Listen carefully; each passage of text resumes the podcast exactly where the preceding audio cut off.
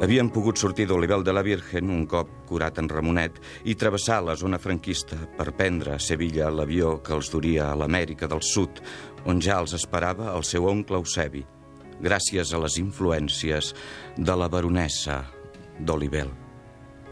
En Solaràs era d'un altre trem. No hauria traït mai la seva joventut. No hauria caigut mai de genollons als peus de la mentida, reina del món. No hauria pres mai de debò un pales. No hauria fabricat mai macarrons.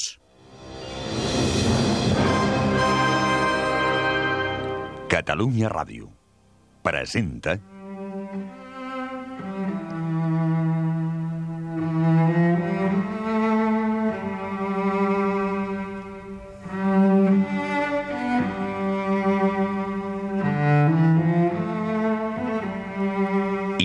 Incerta Glòria, de Joan Sales, en una adaptació lliure per la ràdio d'Oleguer Sarsenedes. Muntatge Ramon Albero. Direcció Juan Germán Schroeder.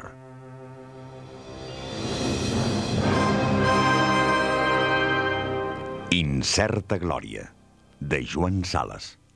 Una producció de Catalunya Ràdio amb el suport del Departament de Cultura de la Generalitat de Catalunya. Oi que et preocupa el teu cos? Uh -huh. Oi que l'alimentes cada dia? doncs escolta, tu ets el teu cervell. I el teu cervell també l'has d'alimentar. I molt. Dóna-li el millor que hi ha. Allò que té més aliment. Els llibres. Tenen vitamina A, B, C, D, E, F, G, i així totes, fins a la X, la Y i la Z. Alimenta el teu cervell. Llegeix llibres. Catalunya. Endavant amb la cultura. Capítol 72. La trampa.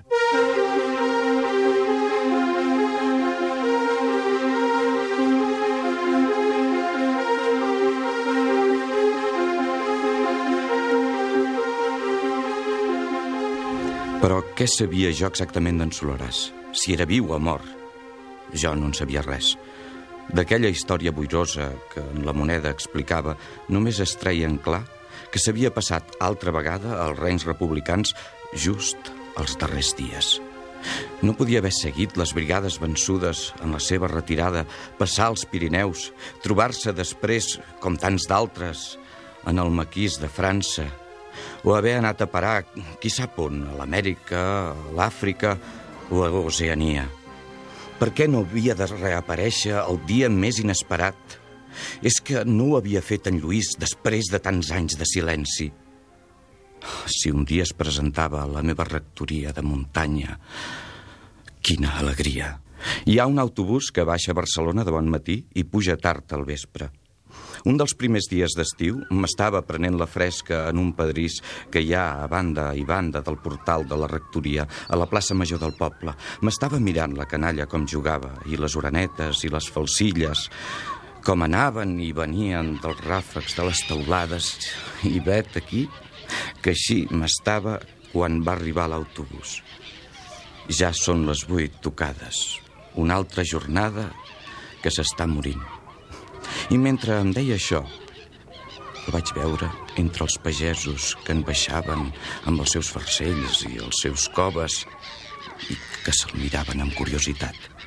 És sempre un esdeveniment que un desconegut arribi al poble, però no, no, no era en Solaràs. Era en la moneda. Avançava cap a mi i jo glaçat, perquè en veritat no hauria esperat mai veure'l al poble. Vet aquí el fantasma, pensava jo, que torna a aparèixer per sorpresa com sempre, després d'anys de no veure'l, quan ja l'havia oblidat altra vegada. Avançava cap a mi, travessant aquella plaça major, i somreia. M'han deixat altra vegada al carrer. Altra vegada la misèria negra. Calúmnia, saps? Com sempre. El vaig fer entrar perquè la canalla ja s'arremolinava entorn seu per mirar-lo. Uf, si m'ha costat de trobar aquest poble. A la cúria no em volien dir on feies de vicari.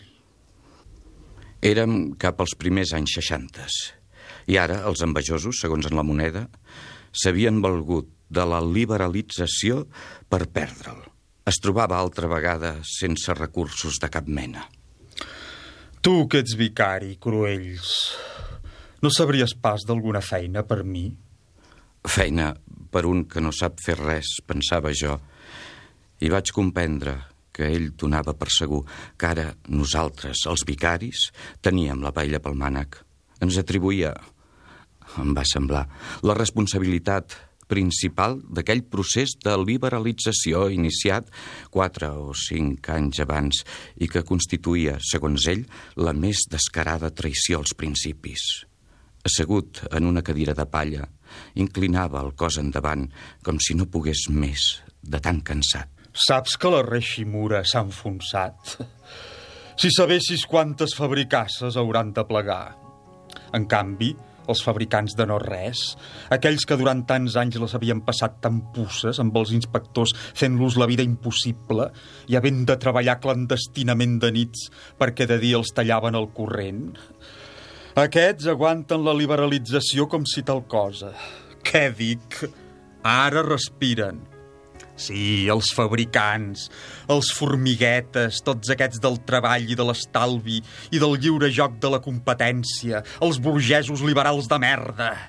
Ara canten victòria. Aquell fabricant de sabates, saps? S'atipa d'exportar calçat de senyora als Estats Units. Mentre la Reiximura i tantes altres indústries grandioses... L'ensolciada de la Reiximura ha estat estrepitosa. Tot Barcelona se n'ha escruixit. El marquès de Santes Cruces s'ha hagut de llogar fa unes setmanes de metre d'hotel en un pales. Sí, sí, el senyor Kreutz en un pales, fent de metre. Els clientassos nord-americans els cau la bava quan saben que és tot un marquès espanyol, aquell que els vincla l'espinada. Coses de la vida. En llibert Milmany, en canvi, ell rai. Ho va veure venir en temps. Va sentir el primer cruixit de la barca quan encara ningú no podia sospitar-ho ni en somnis. Ara és a Jaén, en una fàbrica d'extracció d'àcids del pinyol. Dels pinyols d'oliva. Una fàbrica de qui vols que sigui. Dels que no fan mai bancarrota. Dos i dos faran cinc sempre que calgui, que per això hi ha el pressupost. El gran llibert. No se l'ha mamat mai, el dit. Em vaig arribar fins a Jaén ara, quan em trobava altra vegada al mig del carrer, amb les mans a les butxaques. Li anava a demanar que em llogués per ajudar-lo a extreure àcid, saps? Però en llibert, en llibert Milmany, l'etern indispensable, quin tifa, quin ronyós! No sols no em vol a la fàbrica, sinó que em va arribar a amenaçar amb paraules balades que em faria desaparèixer la callada si jo em deixava anar cap indiscreció. Jo li havia insinuat que guardava papers, saps? Només li vaig poder arrencar un bitllet de 500, just per pagar-me la tornada de tercera cap a Barcelona. Però jo... jo guardo papers, jo ho guardo tot. Ells no han descobert encara on els tinc Podríem fer soroll, armar-ne una dessonada, si tu volguessis. Tu i jo, cruells, podríem... Podríem què? Armar-ne una dessonada. No ets un desenganyat, també.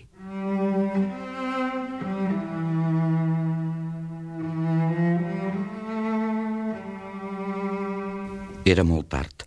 El vaig convidar a sopar. Tenia unes patates al caliu del dia abans, que vaig rescalfar coaglant-les en la cendra. Tenia també un formatge sec de cabra, dels que fan els pastors de la comarca, i un pa ja de dies.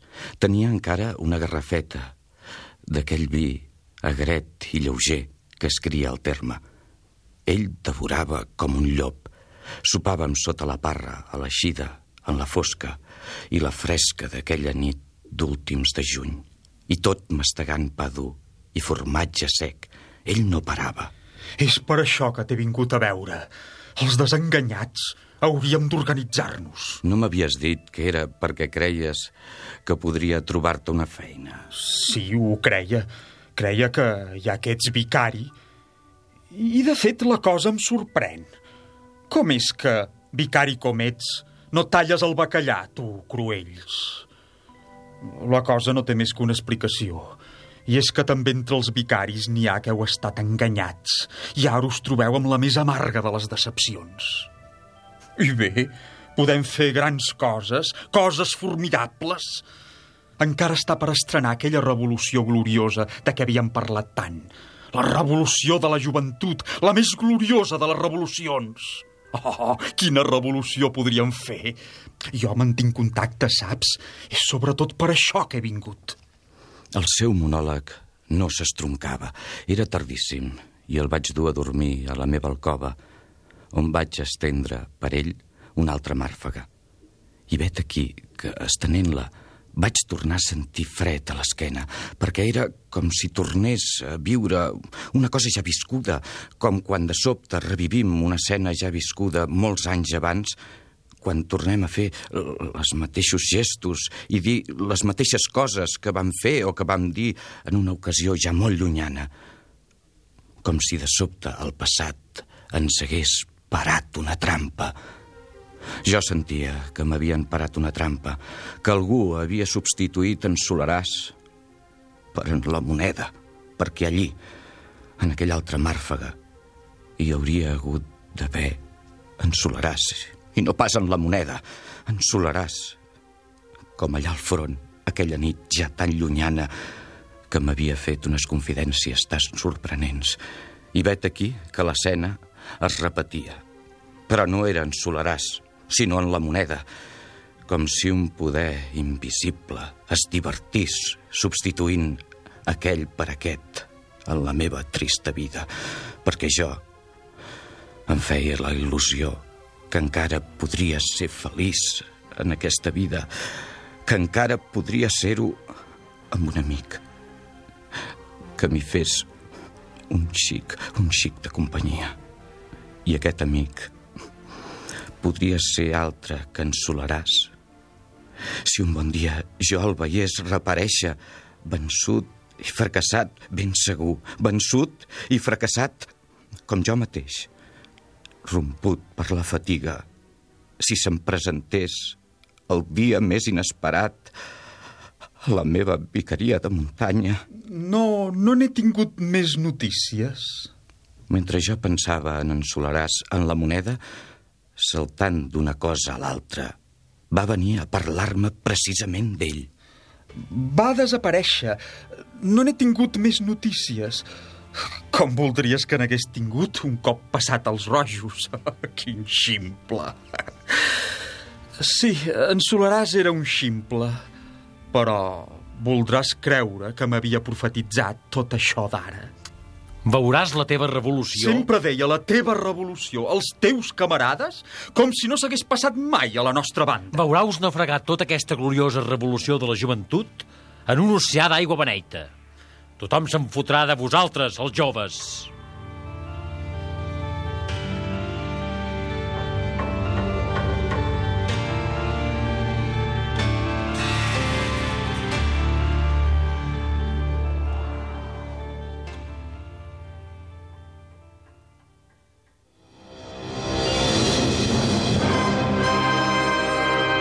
Heu escoltat el capítol 72 d'Incerta Glòria, de Joan Sales amb les veus de... Cruells, Enric Major. La moneda, Francesc Balcells. Solaràs, Enric Pous.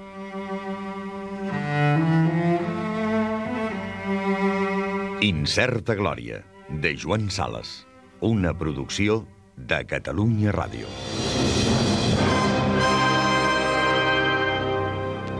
Amb el suport del Departament de Cultura de la Generalitat de Catalunya. Oi que et preocupa el teu cos? Uh -huh. Oi que l'alimentes cada dia? doncs escolta, tu ets el teu cervell. I el teu cervell també l'has d'alimentar. I molt.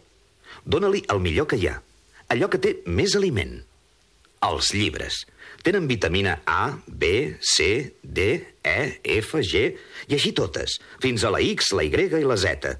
Alimenta el teu cervell llegeix llibres. Catalunya, endavant amb la cultura.